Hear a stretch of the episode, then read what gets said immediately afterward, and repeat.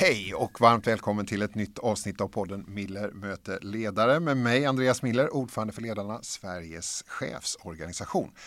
Och vi finns till för dig som är chef. Här kan du som medlem bli en ännu bättre chef. Du kan träffa andra chefer och utbyta erfarenheter eller nyttja vår chefsrådgivning om du behöver.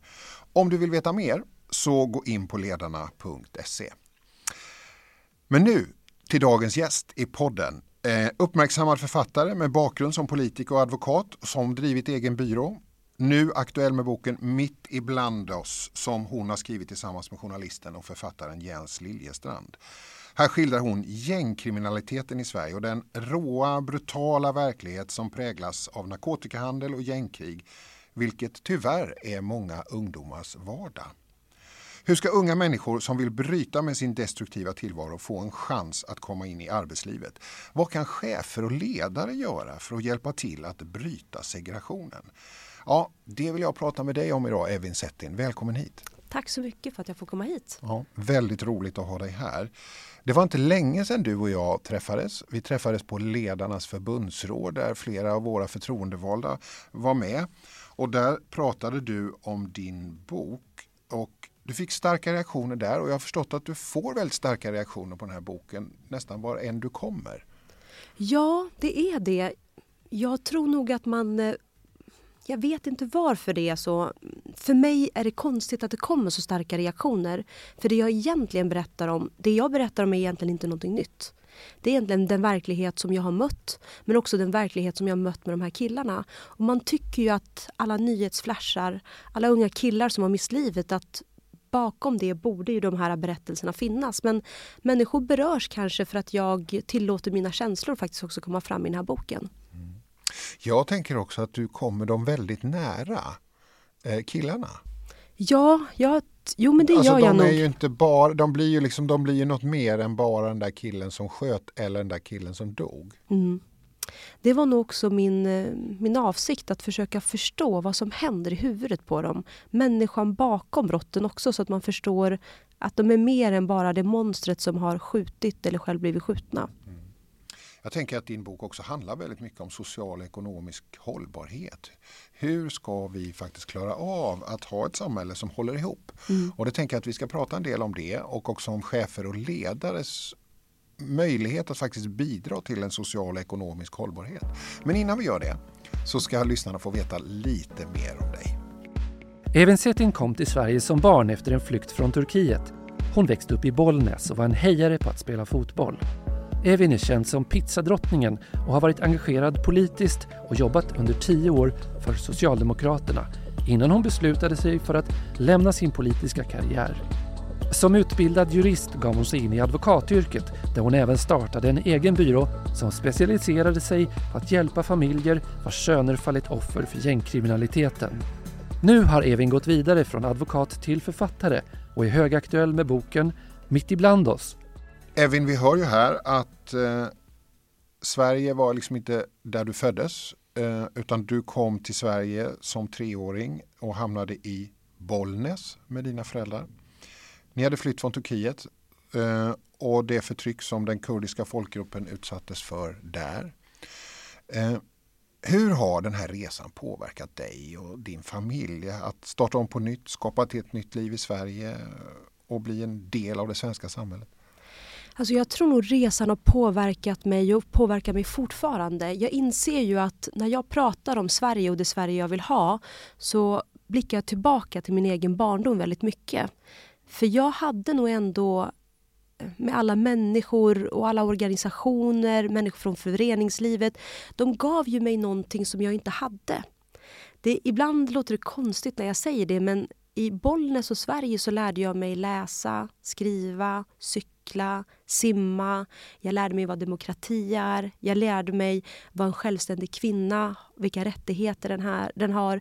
Det är inte saker och ting som man ska ta för givet. Men för mig har jag lärt mig detta. Och det har nog påverkat mig att när jag möter att det på något sätt inkränkas eller, eller inskränks de här mm. rättigheterna. Mm. Då berör det mig otroligt mycket och då reagerar hela min kropp med att jag måste stå emot. Men eh, resan till Sverige att också komma med att inte äga någonting. Mamma brukar ju säga att vi kom till Sverige, det enda vi hade var skulder Och sen så hade vi kläderna som vi hade på oss. Mamma hade också med sig två stycken gardinlängder eh, från hemlandet. Det är det enda arvet vi har därifrån. Vi har ingenting annat. Och där kom vi. Och, och när jag tittar nu så många år senare, egentligen 35 år senare, så har jag gjort den resan som jag önskar nästan alla kunde göra. Jag har gått från en familj som är analfabeter och aldrig haft någon som har gått på universitet till att det är naturligt för mina syskonbarn att säga att vi ska gå på universitetet. Till att gå till att en kvinna inte kan vara självständig till eh, eller så här, för att man ska förstå. När jag var 12-13 år så var min dröm att få bo själv innan jag gifte mig. Till att idag vara 38 och säga att nej, men jag vill inte gifta mig för det är inte ett koncept som jag mm, tycker är viktigt för mig. Eh, så den här hela resan utav att liksom göra en klassresa, alltså en utbildningsresa. Och en eh, social resa? Ja, men en social resa. Framförallt att bli en del utav ett samhälle. Samtidigt som jag kan känna att mina föräldrar blev aldrig en del utav samhället. Men det blev vi alla barn och barnbarn. Mm. Det så det finns ja. både glädje och sorg i det. Ja. Men du, om vi då skulle, bara mamma och pappa då. Eh, pappa kurdisk muslim. Mm. Eh, mamma kristen syrian. Mm. Det där var ju inte ett äktenskap som var självklart. Nej, och det var nog inte ett äktenskap som var tillåtet. Alltså i dåtidens Mellanöstern, men också nutiden, så var det strikt förbjudet att en muslim och en kristen skulle gifta sig. Och framförallt att en, en, en ung tjej skulle välja kärleken i en muslimsk man när hon var kristen var ju totalt förbjudet. Så att jag kommer från en familj där man kämpar för någonting. Min mamma började med att kämpa för rätten till att älska den hon vill. Och där någonstans har jag mitt arv ifrån det här muslimska och det här kristna arvet, hur har det präglat dig? Eller är, vad, vad har du för relation till tro idag? Jag tror nog, eller jag tror nog, vad jag för relation till tro? Jag är ju döpt kristen, men ja. det handlade om att försonas med min mammas familj som kände att min pappa hade tagit deras dotter ifrån dem och att de fick bära så mycket skam och skuld eh, för att min mamma eh, valde, valde en, en, muslimsk man. Men jag tror att jag tror på någonting större. Jag tror liksom på godhet och de värdena som finns. Det medmänskliga i båda religionerna. Jag brukar säga att jag kan både vara i kyrkan och moskén. För mig är det liksom en, en naturlig del. Men min bakgrund, både religionen och det kulturella har bidragit till att jag har nog en annan förståelse för människor. För mig har det varit hela tiden att vara liksom diplomatisk mellan olika delar utav släkten, olika delar utav familjen. Och den mosaiken har nog gett mig styrka i att förstå mångfalden och att den behövs överallt. Mm. Du, I den här boken Mitt ibland då, som vi ska prata mycket om idag, men, men det finns ju ett avsnitt där, där du, din pappa, han startade en pizzeria i Bollnäs. Och, eh, men han präntade in i er barn att ni hade två saker att välja mellan. Det var pizzerian eller universitetet och du valde universitetet. Ja, alltså min, jag hade nog drömmar utav när jag insåg att jag älskade att spela fotboll, att egentligen bli fotbollsspelare. Men för min pappa så var nog perspektivet att jag har inte gett upp hela mitt liv för att du ska spela fotboll. Och med det menade han inte att han ville förminska mitt intresse för fotboll utan han menade att Sverige gav så mycket mer.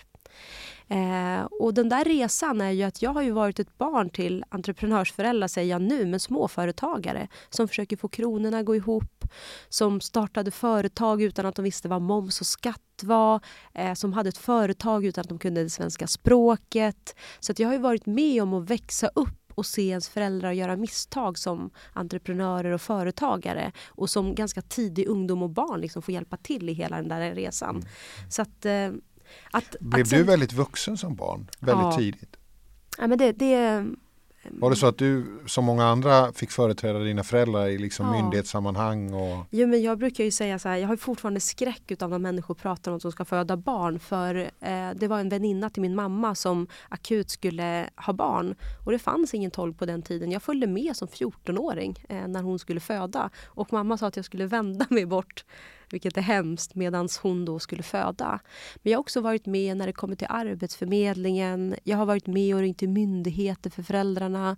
Varit med och förklarat alla blanketter som kommer hem. Så att det, det stämmer nog. Man, man fick ta det ansvaret. Mm. Det fick man göra.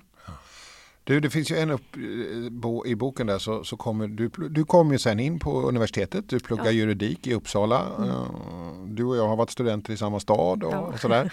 Men, men eh, inte samtida på något sätt men ändå vi har pluggat i den där stan. Men du, Det är ju en sak du upptäcker ganska tydligt där på den här juristlinjen och det är ju liksom det kulturella kapitalet. Mm.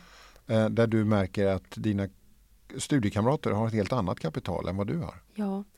Nej, men när, när jag började, jag tänkte att jag kommer från en liten stad, alltså Bollnäs. Mm. Eh, man såg inte klasskillnaderna på det sättet som man gjorde i storstäderna och framförallt så vi gick ju alla på samma skola, vi hade ändå samma förutsättningar. Vi möttes ju eh, över generation, eller över klassgränserna. Men när jag kom dit till Uppsala så insåg jag att vem man har som föräldrar faktiskt har för betydelse. Vad man har för nätverk har en jättestor betydelse. Och det blev så, så viktigt att jag insåg att eh, när man skulle presentera sig i en klasspresentation så mm, var det naturligt att när folk skulle presentera vem de var så sa de också vad deras föräldrar gjorde inte, jag vet inte om det var någon slags markering, det, jag tror inte utan det var bara naturligt att säga jo men pappa är advokat eller pappa är domare eller pappa är chef på någon myndighet som jobbar med det juridiska och därför valde jag det. Och jag tror nog redan där och då när det kom till mig och jag skulle berätta vad mina föräldrar gjorde insåg jag att jag kommer ha en uppförsbacke. Och då sa jag att min, mamma, min, min pappa är chef på pizzerian och min mamma är chef hemma. Men sanningen var att mamma var hemmafru och pappa var ju chef på pizzerian. Men jag ville ju säga det för att det liksom skulle låta bra. Men då skrattade faktiskt min klassföreståndare så sa han Vad jobbar dina föräldrar egentligen med? Så han trodde jag skämtade i detta. Men där och då påverkade det mig otroligt mycket för jag kunde nog se att människor skapade grupperingar också utifrån vad man kunde ge vad man hade för nätverk. Och länge så kämpade jag med för att få en praktikplats eller jobba extra men vet du, det kom aldrig. Eh, jag sökte och sökte men fick gå tillbaka till pizzerian men, men någonting hände liksom senare och jag insåg att ibland när man inte har de nätverken så måste det vara någon annan som öppnar dörren för en. Och det fanns ju en sån person i ditt liv. Ja, Nu, En- Lena Ek, Ja. en gammal centerpartist för de som kommer ihåg sådana här politiska eh, personer. ja. Vad var det Lena Ek gjorde? Men jag kände inte Lena Ek. Ehm, jag var på ett flyg tillsammans med min lilla syster och där och då började vi prata. Jag tror att min lilla syster mådde lite dåligt och hon erbjöd liksom en, en, en huvudvärkstablett eller liknande. Och så fick jag förklara att man tar inte tabletter utav perso främmande personer. Så började jag och Lena prata och hon var så nyfiken som människa. Hon frågade vart jag kom ifrån, vad jag gjorde. Hon var ju också jurist. Ja. Eh, och jag sa att ja, men jag hade precis börjat plugga på, på juristprogrammet, vart jag kom ifrån. Hon kände liksom till Bollnäs. Det fanns väl liksom någon connection. Men vi hade ett väldigt fint samtal. Ett väldigt öppet och ärligt samtal. Men hon var helt främmande. Det var bara en medpassagerare som satt bredvid mig. Men hon tog mina kontaktuppgifter och inte kort därefter så skickar hon mig ett mejl. Och sen erbjuder hon mig en betald praktik i Bryssel. Och för mig Visste det... du vem hon var? Där och då när jag satt där visste jag inte vem det var. Jag hade ingen aning. Så att det där var nog en möte med en människa. Jag var okänd för henne, hon var okänd för mig. Men det var väl någonting i min berättelse tror jag som, som hon fastnade för. Och sen så gav hon mig den möjligheten. Och det jag menar med hon var okänd, hon öppnade en dörr som, som har bidragit till att jag är där jag är nu. För hon öppnade en dörr som var helt främmande. Jag mötte människor. Jag fick utföra arbetsuppgifter som jag aldrig skulle kunna göra. Men det intressanta är som vad som hände med mig när jag kom tillbaka. Jag kunde ju uppleva att människor såg mig på ett annat sätt. För nu var jag tjejen som hade haft en praktik i Bryssel och helt plötsligt var jag intressant av kanske flera andra som också var intresserade av just de nätverken. Så jag gick ifrån att inte ha något nätverk i pizzerian till att ha otroligt stort nätverk inne i Bryssel. Och det där är intressant vad en människa när den öppnar en dörr faktiskt kan betyda för någon som inte har någon annan. För du vet, mina, ja, på den graden, mina föräldrar kunde ju inte ens läsa igenom mina PM eller skriftliga uppsatser som skulle lämnas in. Mina föräldrar kunde ju inte läsa och skriva på det sättet. Så att för mig var det här... Um, jag tänker oftast liksom på henne, um, vilken skillnad hon har gjort, men jag tror hon aldrig har förstått. Jag hoppas nu när jag pratar om det, att hon, eller jag vet att hon nu i efterhand har förstått att det betyder otroligt mycket. Men jag tror jag lyfter upp det för att människor som kanske lyssnar här i podden ska förstå att de kan faktiskt göra skillnad. Eh, Ibland handlar det om en liten, liten dörr som inte kostar dig som ledare någonting men som förändrar en hel värld för en annan. Mm. Du, det här förändrade ju verkligen din värld. Du kom in i politiken, mm. alltså inte, du blev inte centerpartist. Nej. Du blev socialdemokrat och du hamnade eh, bland annat som heltidspolitiker tio år i, i, eh, i Socialdemokraterna. Du var, i, du var, först var du uppe i Bollnäs va? I Borlänge? I, nej, först var jag i Södertälje. Först var du i Södertälje, Södertälje. just det. Men du, om, om vi tittar då i Södertälje där. Eh, vi ska ju prata om gängskjutningar och så, men när du, när du där var du politisk sekreterare till kommunstyrelsens ordförande i Södertälje. Eh, där sker ju många gäng, eh, sådana här gängskjutningar idag. Kunde du ana utvecklingen då när du var där i Södertälje? Nej, men jag kunde inte det. För att om man blickar tillbaka till 2009-2010 så gjorde ju man massiva insatser. Man hade ju den här stora satsningen från alla myndighetsgemensamma samarbeten med polisen i spetsen att slå ut de grupperingar som fanns där och då. Och man lyckades ganska effektivt. Man låste in väldigt många som fick väldigt långa fängelsestraff. Men jag tror nog vi inte såg eller inte förstod att det skedde en rekrytering. Eh, att det var andra människor som skulle ta deras platser. För man hade ju satsat full kraft och energi, i alla fall från politikens sida där vi såg att man rekryterade in dem. Det, det vi såg det var ju att vi behövde göra någonting för alla ungdomar som inte har de nätverken precis som jag upplevde. Jag vet att vi skapade Tälje Tillväxt som var eh, kommunen tillsammans med Manpower, tillsammans med Scania, tillsammans med en hel del företag från näringslivet för att erbjuda alla ungdomar eh, jobb, utbildning eller praktik. En garanti för det. För vi insåg att ska vi bryta detta så måste de komma in där någonstans. Och det vet jag. Vi gjorde enorma satsningar i Hovsjö men jag kan nu i backspegeln se att vi missade någonting. Vi fick ju faktiskt statistik om eh, hur många unga personer som inte klarade av gymnasiet. Någonstans borde man ha gjort en analys, eller någonstans borde en klocka ringt att de här unga killarna som inte klarade av gymnasiet eh, inte hade de naturliga nätverken att få ett jobb, kom från väldigt tuffa omständigheter. Föräldrarna själv kanske inte hade jobb. Vi borde förstått att om inte vi satsade på dem så skulle de hamna där i kriminaliteten. Och det kan jag känna nu när jag möter väldigt många unga killar att det är också verkligheten för väldigt många. I avsaknaden av någonting, när de redan slås ut från skolan eller som väldigt unga, så rekryteras de in i någonting. Och eh, de som idag de som idag tyvärr både skjuter och själv har avrättats, det är ju förmodligen de som, rekryter eller det är de som rekryterades efter den satsningen. Så jag kan nog känna att varför såg vi inte det där där och då? Varför gjordes inte mer? Mm. Ja, men du, vi kommer in på boken nu då, Mitt ibland oss. Det är ju en bok där vi får möta ett antal killar och tjejer som tagit tjänst i Narkotikabemanning AB, som du kallar det. Och blivit en del av det här brutala gängkriget som pågår i flera svenska städer. Eh, och den här boken söker svaret på orsakerna till att en generation förlorats i brutalitet, förnedring och misär, skriver du. Du skriver att du vill lyssna på de kriminellas förflutna. Du var advokat, ja, faktiskt efter politiken blev du advokat och företrädde familjer som förlorat söner i gängkriget. Men du valde att börja lyssna på de som begår brotten. Mm. Eh, så förklaras det i boken. Men ja. om jag får, varför valde du att börja lyssna på dem på ett annat sätt? För där bröt du ju lite grann med din advokatroll. Liksom. Ja. Nej, men tänk dig att jag har, eh, som politiker är man med och alltid fördömer.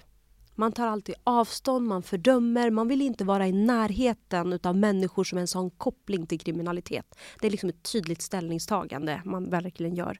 Som advokat är man med och företräder människor på olika sätt. Men då är det ju, man företräder ju deras rätt. Ehm, jag mötte ju, jag jobbade nästan uteslutande med mordärenden när jag var målsägande biträde. Och jag har nog insett det efter jag har skrivit boken. Eh, saker och ting klarnar ju efter när man skriver boken. Och jag har ju insett att jag har ju aldrig mött de killarna på det sättet. Jag har ju mött dem när familjen, framförallt mamman och syskonen, ska ta farväl i ett visningsrum där de inte har sett sin son och varit med i den panikartade delen. Jag har också varit med när kistan av de här unga killarna ska hissas ner under själva begravningen. Och sen så har jag som, som målsägande biträde följt deras sista dagar, sista år, sista veckor, konflikter, vänner och behövt liksom gå tillbaka till, till det förflutna. Och jag insåg att jag mötte ju aldrig de här killarna. Och eh, jag kunde ju se olika förklaringar när jag gjorde, när jag var med i den förundersökningen och i det arbetet. Men jag bestämde mig för att jag vill förstå. Jag tror nog också oftast att vi människor inte möter saker och ting. Jag, jag ville möta de här killarna, för det är inte en eller två stycken. Det är inte tre eller fyra. Det rör sig om flera tusen runt om i hela Sverige. Så det här är inte en enkel förklaring med att säga eh, det här är att det kriminella finns i deras DNA. Och därför mötte jag, bestämde mig för att möta väldigt många av de här killarna. Jag mötte 50 unga killar som på olika sätt var inblandad i narkotikahandeln, som hade pris på sitt huvud, som själv beställde pris på sina barndomsvänner. Och det i det mötet försökte jag verkligen förstå. Vad är det som händer? Hur kom ni dit? Hur blev du mördare? Hur blev du det som vi kallar kriminell? Mm. Hur byggde du upp en relation eh, av tillit? För det handlar väl om hur skulle de liksom Ja, men hur skapade du den möjligheten för dig att träffa dem? Att de faktiskt accepterade dig? Alltså de gjorde ju inte det från början. Alltså de såg ju mig som infiltratör, de trodde att jag var polisinformatör, de trodde att jag jobbade för åt alla tänkbara människor. Men jag tror nog att det handlade om att möta dem så många gånger och förklara vad det är jag gör. Och jag var ju tydlig med att jag vill inte ha ert namn eller sätta dit er. Jag vill bara förstå och jag tror att det finns väldigt många här runt omkring som vill förstå. Men jag dömde dem inte heller inledningsvis. Jag försökte förstå dem. Eh, och jag framförallt tillät dem prata. Jag pratade inte inledningsvis om vilka brott de har begått. Jag pratade om deras barndom, om deras känslor, om vad det innebär att växa upp med de förutsättningarna. Och jag tror nog vi kunde mötas för att vi hade haft ba, våra ba, våran uppväxt skilde sig inte så markant ifrån varandra. Jag kunde se skeden kring när de började gå över till narkotikamarknaden och då jag började sälja jultidningar. Så att vi kunde ju mötas och förstå varandra. Och det tror jag faktiskt underlättade. Men sen kunde de också kontrollera mig bakåt. Dyker jag bara upp som gubben i lådan? Nej, de kunde se att jag redan för 12 år sedan har liksom skrivit hiphop-låtar om vad det innebär att vara fattig. Vad det innebär när barn inte får en chans. Så att jag tror när de såg mitt förflutna också och mitt engagemang sen tidigare eh, så kunde de nog verifiera att ja, mm. men som, som vilken människa som helst, det tar tid att bygga förtroende. Mm. Men du och, måste jag också stött på dem här i rättegångar tidigare? Eller, eller liksom, ja, men du stöter på dem i rättegångarna men då är det ju oftast inga kommentarer. Du läser förundersökningsmaterial med inga kommentarer och du möter en människa som pratar så lite som möjligt eller så möter du en person som är misstänkt där i tingsrätten som berättar en berättelse utifrån den bevisning som har funnits. Känslorna, vart de kommer ifrån, hur de hamnade där. Den verkligheten, det döljer man ju överhuvudtaget i, i domstolsförklaringarna. Men nu det är 50 killar och också ett stort antal tjejer ja. som du möter. Även om tjejkapitlet är det, är ett och de andra handlar om killarna i den här boken. Men de är ju djupt involverade i narkotikahanteringen och gängkriget. Om du skulle bara titta på de här nu då och tänka vilka är de tydligaste gemensamma faktorerna till att de här killarna är där de är? Alltså, en tydlig faktor som jag insett nu det är att alla de här killarna hade faktiskt inga drömmar. Och Det låter konstigt att man liksom tar upp det, men jag tror det är jätteviktigt. Eh, människor som har slutat drömma, ungdomar som inte har några drömmar, de är faktiskt benägna att göra vad som helst. Framförallt så har de ingenting heller att förlora. De hade alltså ingen vision eller de hade inget, jag skulle vilja göra det där Nej. i livet? Eller? Nej, det, det där hade liksom det där hade försvunnit. När jag skrapade på det och pratade om barndomen så kunde jag höra liksom vad de ville bli, vad, vad de ville göra sen tidigare. Men där och då utifrån personen som jag mötte så hade de inte de drömmarna. Eh, många utav dem. Det jag också insåg att eh, gemensamt för alla de här var att de redan tidigt hade som barn, alltså i åldrarna 12, 13, 14 år, levererat narkotika. Och med det menar jag att de hade rekryterats in utav en person som inte var många år äldre, som var en person som, som de kände i deras närhet. Som hade blivit tillfrågad, vill du lämna ett paket? Vill du lämna en väska? Vill du lämna en påse? Det som var gemensamt med alla, det är också att alla kom ihåg första gången första väskan de levererar, första påsen de levererar eh, och första gången de går in i det. Och eh, när de berättar sin berättelse om det så såg jag någonting tydligt att det fanns oftast en koppling kring en besvikelse som de hade upplevt runt omkring sig. Eh, en kille han berättade om att han spelade fotboll väldigt ofta. Där när det kom till att han hade så länge velat åka iväg på en fotbollscup. Eh, och mamman hade sagt att hon skulle betala de avgifterna som behövdes. Men när det kom, och han påminde, påminde, påminde. När det kom till liksom deadline så hade inte mamman pengarna att betala. Och där och då bestämde han sig för fotbollen kommer han stryka totalt. Och sen klev han in till att börja sälja narkotika. Han hade kanske någon vision där. Det var att hans syskon inte skulle få uppleva det han gjorde. För med de narkotikapengarna bidrog han till att köpa det hans lilla syster sen behövde för att utöva de idrottsaktiviteter hon var med på. Så där kommer en viktig faktor tänker jag, det är fattigdom. Absolut, fattigdomen fanns där för, för väldigt många utav dem. Mm. Eh, det gör det. Eh, barn upplever fattigdom på, fattigdom på olika sätt. En annan kille berättade om sin historia kring eh, hur mamman eh, ständigt glömde bort hans födelsedagskalas, eller att han fyllde år. Och de firade honom senare när hans mamma kom på det. Men det var egentligen när han, när han blev lite äldre så insåg han att det var inte att mamma glömde, det var att mamman väntade på lönen till efter den 25. Och sådana där faktorer blir så tydliga för mig att det hade en koppling till när de kliver över. För det är då den här 500 kronen, 500-lappen, 1000-lappen har betydelse. För det är det man fick i utbyte, Nå några slantar för att kunna leverera den här väskan. Det blev liksom lite motorn eh, för du, att komma in.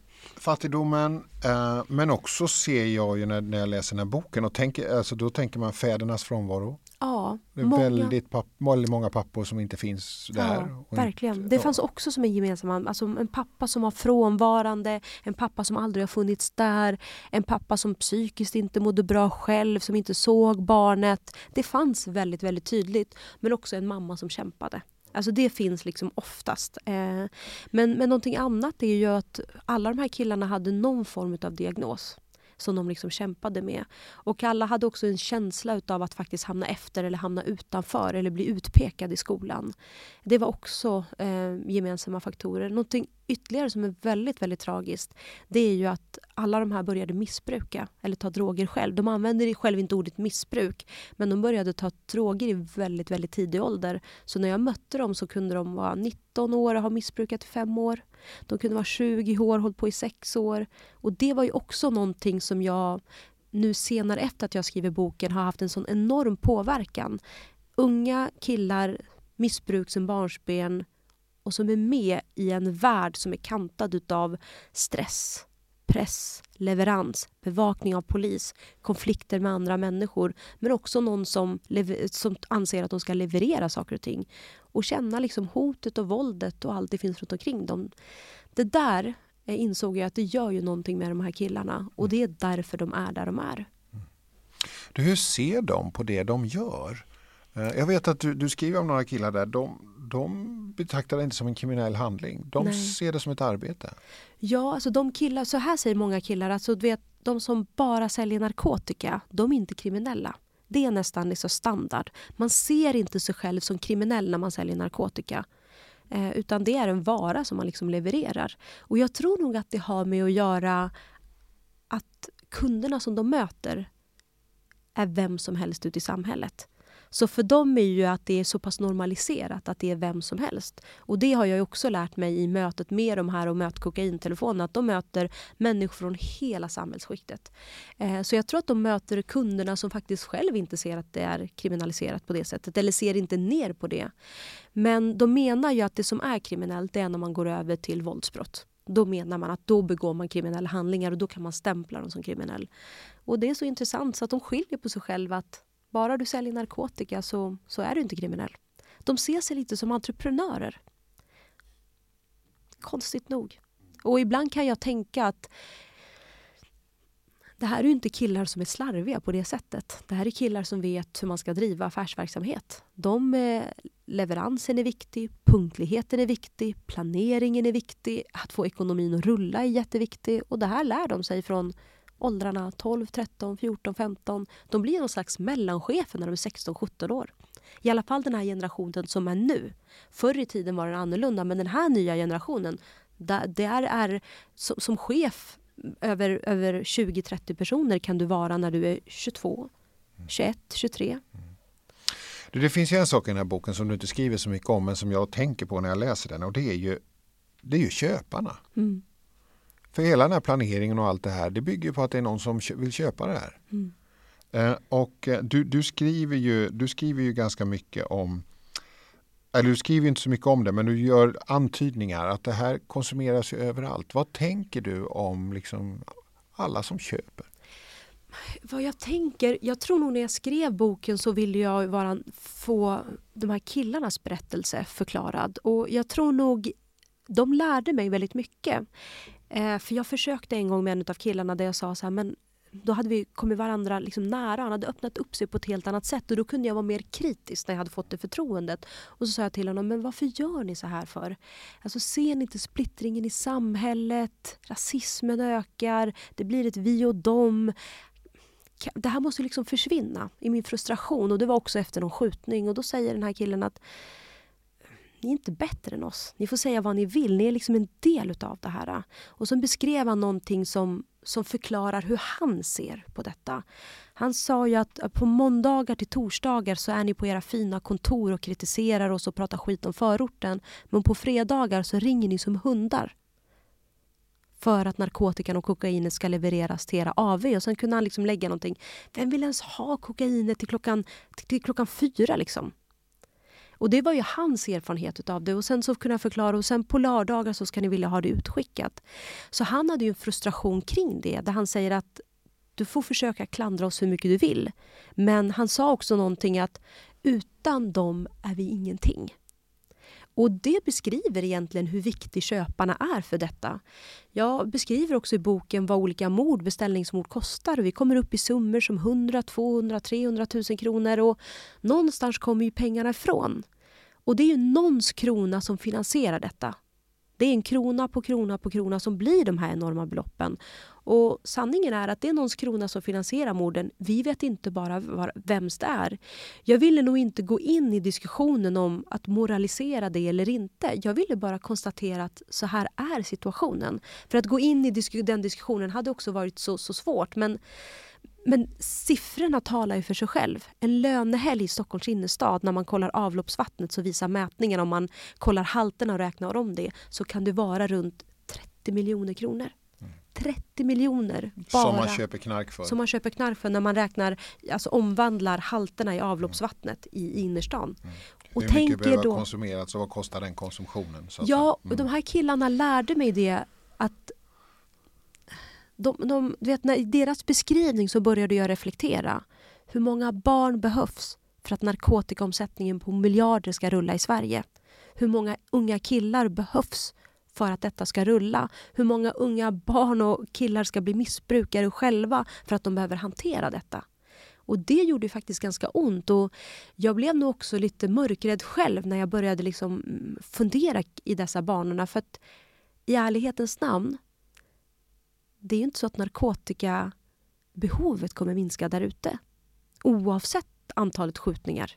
Utan den ökar och den finns. Så, så länge det finns en marknad så kommer det finnas någon som säljer den. Och just nu är det förortsungarna som är de som dominerar, som säljer narkotikan, som levererar det till dörren. Men du Evin, det här är ju liksom, du målar ju upp en bild och många faktorer som man kan förstå liksom och, och, och känna för och liksom förstå. Ja, men det, det, här är faktorer som gör att man hamnar i det här. Men man måste ju ändå komma till den där punkten. Vad tänker du då om det här med liksom det personliga ansvaret och liksom man kan ju inte alltid skylla på alla omvärldsfaktorer. Man har ju också ett eget ansvar, de vuxna som finns runt de här barnen och, och sådär. Vad tänker du om det? Alltså, när det kommer till eget ansvar så brukar jag faktiskt säga för att man ska förstå det här. De här barnen, eller de här unga killarna som nu är 21, 22, 23 år som lever med pris på sitt huvud, som betraktas som kriminella. De rekryterades in som barn. Samhället fanns inte där, föräldrarna fanns inte där och skyddade dem. Jag kan känna att vi faktiskt har svikit de här killarna.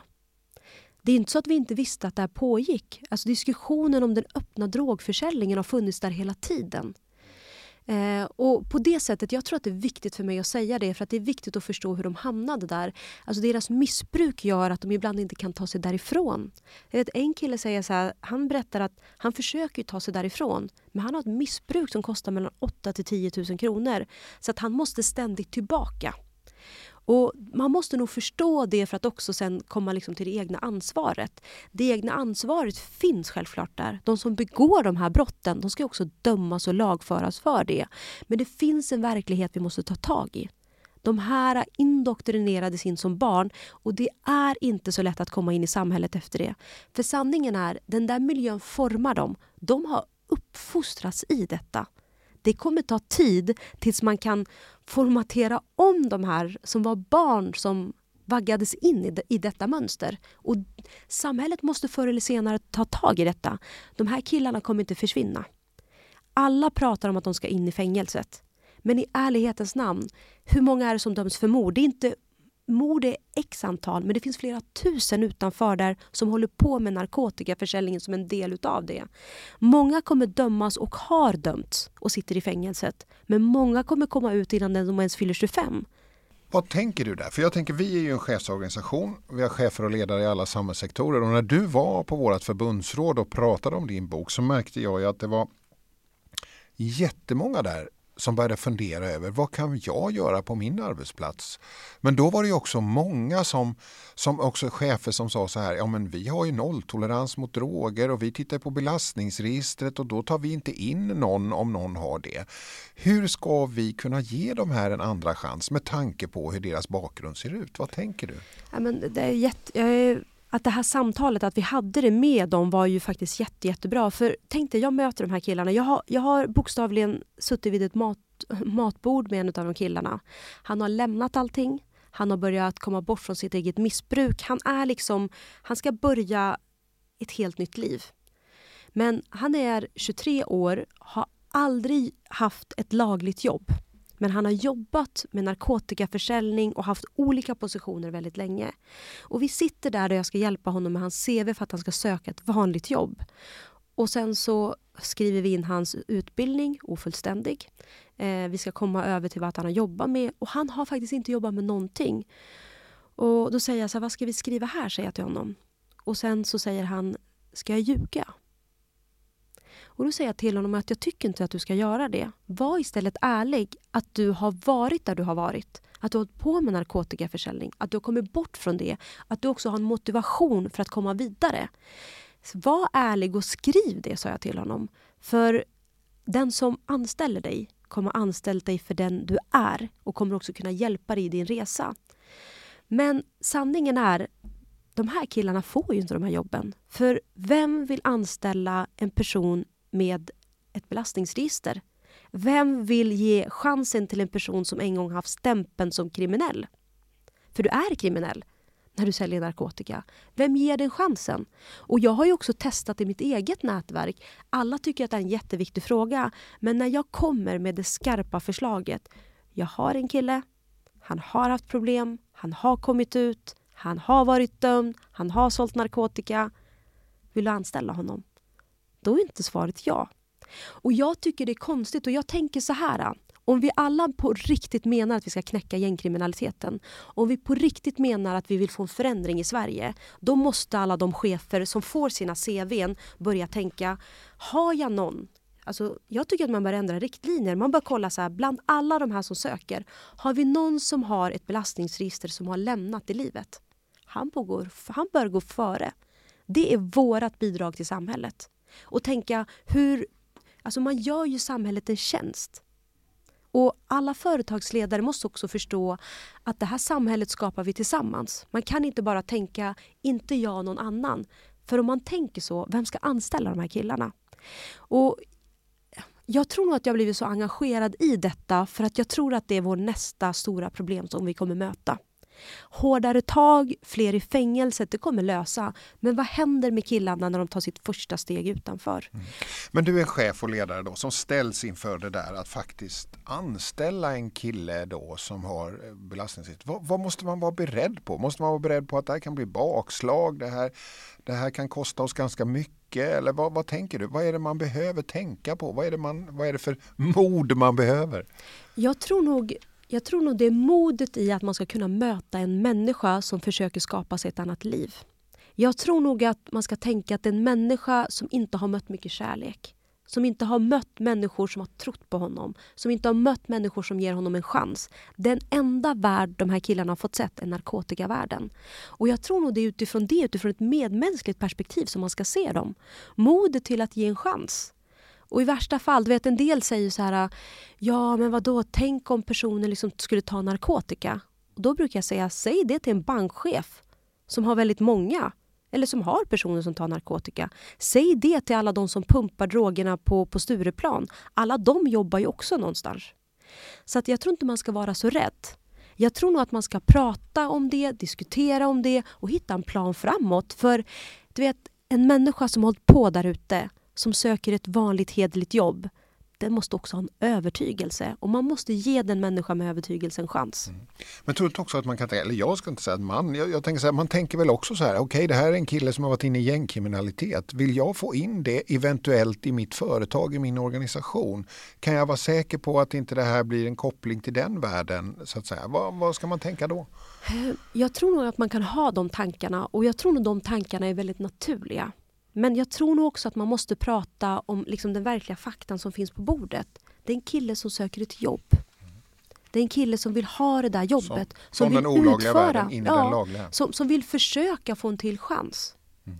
Det, jag tror nog det är det man måste utgå från. Jag tror att man måste bara sätta sig in i om det hade varit min son som hade hamnat där. Om det hade varit någon som jag kände i min närhet. Och Jag tror nog att man får mycket, mycket mer tillbaka än vad man verkligen förstår. Och det har jag insett i de unga killarna som jag har hjälpt att komma vidare. Så är det faktiskt ganska magiskt att se en ung kille som upptäcker det som är naturligt för oss. Att i 22-årsåldern vara så lycklig utav att läst sin första bok. Eller typ komma och och du vet, en av killarna han sa till mig när han inte hade ett jobb, han säger så här, för jag hade alltid möten och sa han så här, vet du Evin, ibland drömmer jag om att bara få ha ett lunchmöte. Alltså, det kan låta konstigt, men tänk dig att tänka att och en annan sa så här, jag vill bara ha en kalender där jag tittar i, där jag har möten, där jag kallas till möten. Och jag tror nog man måste förstå dem utifrån det här. De ger väldigt mycket när de har bestämt sig för att lämna. Men man måste ha någon som tror på dem. Ehm, det är egentligen, jag kan nog identifiera mig själv när jag började mitt arbetsliv. Jag hade ingenting. Jag hade ju människor som trodde på mig. Det var därför jag blivit den jag blivit utan människor som tror på mig och inte hade öppnat dörren, jag hade inte kommit någonstans. Jag hade nog förmodligen fortsatt jobba i pizzerian. Men du, vad, vad, vad, i den här boken också så är det så att du skriver ett kapitel om tjejerna. Mm. Uh, för någonting man slås av i det här sammanhanget är ju att väldigt många, det finns systrar och bröder bredvid varandra och systrarna kommer inte in i gängkriminaliteten eller i narkotikahandeln. Utan de går i skolan och de utbildar sig och de kommer vidare. Men sen skriver du också om tjejer som du ser är ganska tydliga aktörer i den här Narkotikabemanning AB. Eh, vad tänker du om det? Är det så att vi ser liksom ytterligare en dimension här nu växa fram av att också unga kvinnor kommer in i det här? Jag tror nog att man, när man kollar på när det gäller narkotikaförsäljning som är så här, den första delen som ungdomar kommer in i så tror jag att man ska tänka att det är en naturlig del utav att de själv konsumerar. Det tror jag att man verkligen måste förstå. Du vet, vi måste blunda, eller vi måste öppna upp ögonen för narkotikan finns på våra skolor. Den finns bland 12, 13, 14-åringar. De får Snapchat-meddelande skickade till sig. Ta två betala för tre.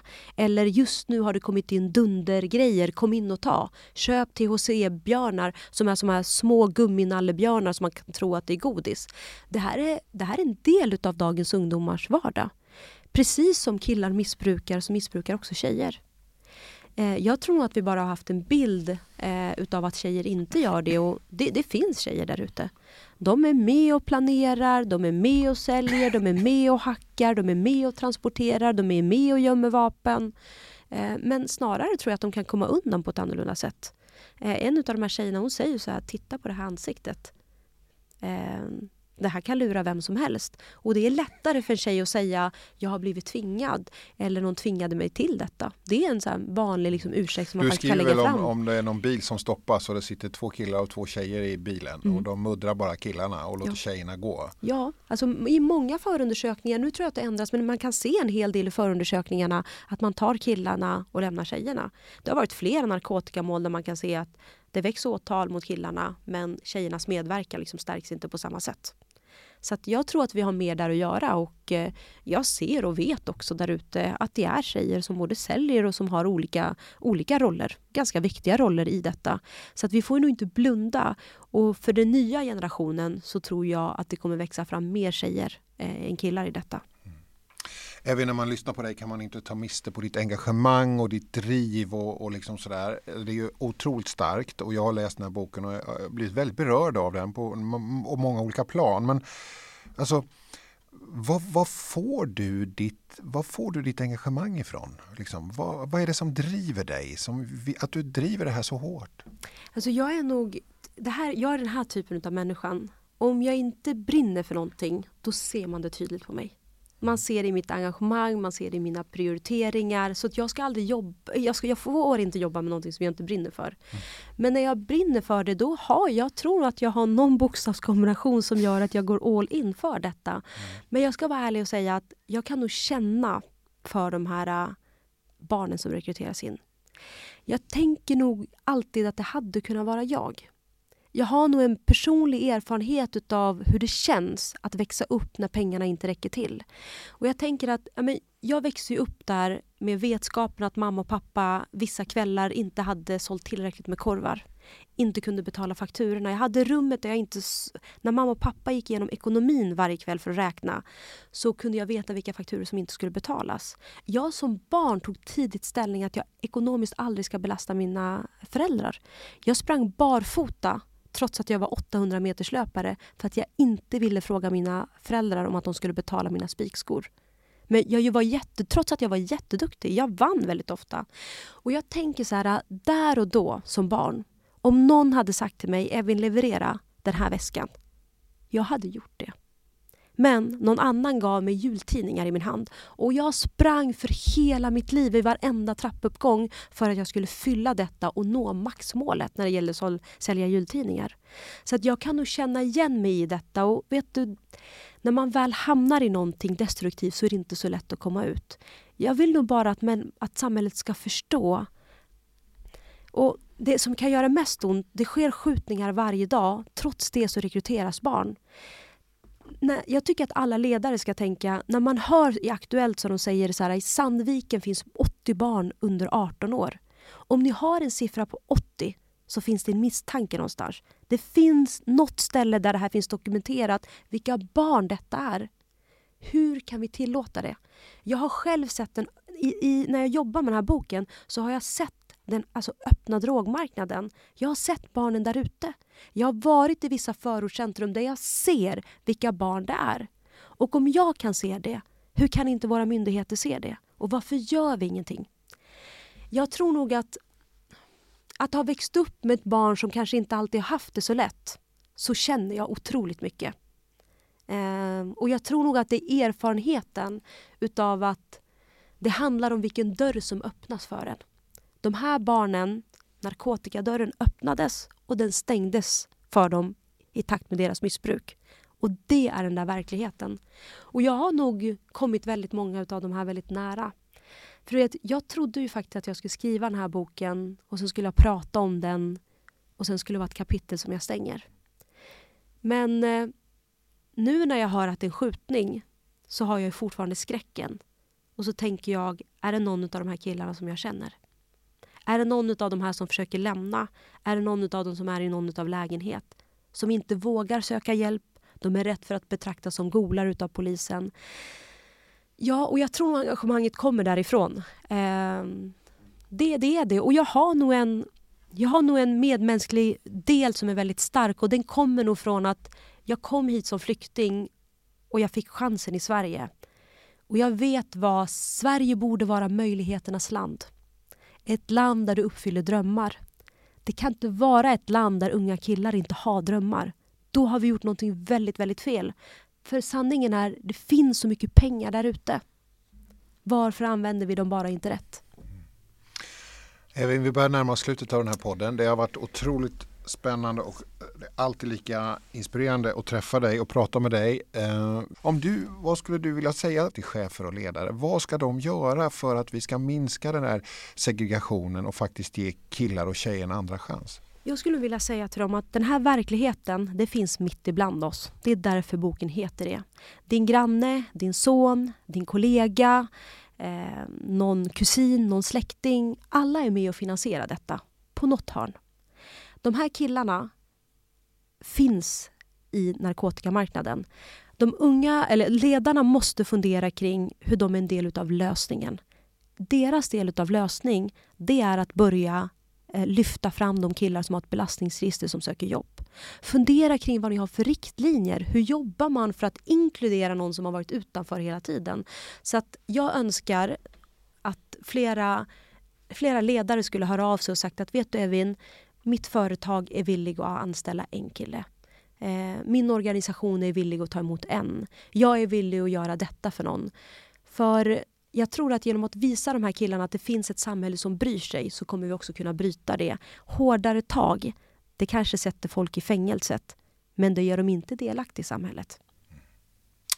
Evin Settin, stort tack för att du kom till Miller möter ledare. Vi ska säga att boken heter som sagt var Mitt ibland oss och finns på Mondial förlag eh, mm. för den som skulle vilja köpa den.